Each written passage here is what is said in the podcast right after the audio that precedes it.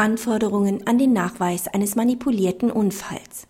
Für die Annahme einer Unfallmanipulation ist es nicht erforderlich, dass der beklagte Haftpflichtversicherer den Nachweis einer Bekanntschaft zwischen Schädiger und vermeintlichen Geschädigten führt.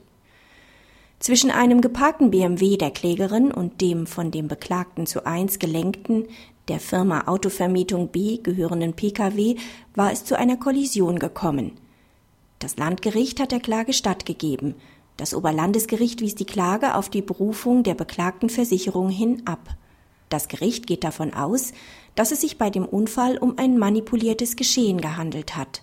Es verweist darauf, dass der Beweis einer Unfallmanipulation durch den Nachweis einer ungewöhnlichen Häufung von Beweisanzeichen, die für eine Manipulation sprechen, erbracht wurde. Das Gericht hat folgende Beweisanzeichen für eine Unfallmanipulation festgestellt. Bei dem beschädigten Fahrzeug handelte es sich um ein rund sechs Jahre altes höherwertiges Fahrzeug mit einer hohen Laufleistung, welches ganz erheblich vorgeschädigt war. Die Vorschäden waren teilweise nicht ordnungsgemäß repariert worden. Bei dem Schädigerfahrzeug handelt es sich um ein Mietfahrzeug. Auch dieses spricht aus Sicht des Oberlandesgerichts für eine Unfallmanipulation, weil der Schädiger selbst in der Regel keinen materiellen Schaden erleidet, da die Mietfahrzeuge in der Regel Vollkasko versichert sind, bzw. der Mieter gegen geringes Entgelt einen Schutz ähnlich dem einer Vollkaskoversicherung erhalten kann. Darüber hinaus war auch die Erklärung des Beklagten zu zwei, die er als Grund für die Anmietung angab, für das Oberlandesgericht absolut unglaubhaft, die Behauptung des angeblichen Unfallverursachers, er könne sich an den genauen Hergang der Kollision nicht mehr erinnern, ist nach Auffassung des Oberlandesgerichts ungewöhnlich. Ein Unfall ist schließlich kaum ein alltägliches Erlebnis.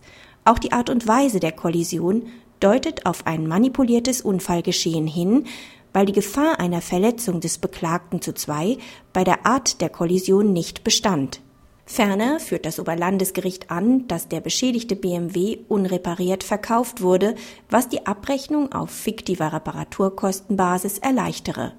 Die angegebenen Gründe und die Umstände des Verkaufs waren nach Auffassung des Oberlandesgerichts dubios.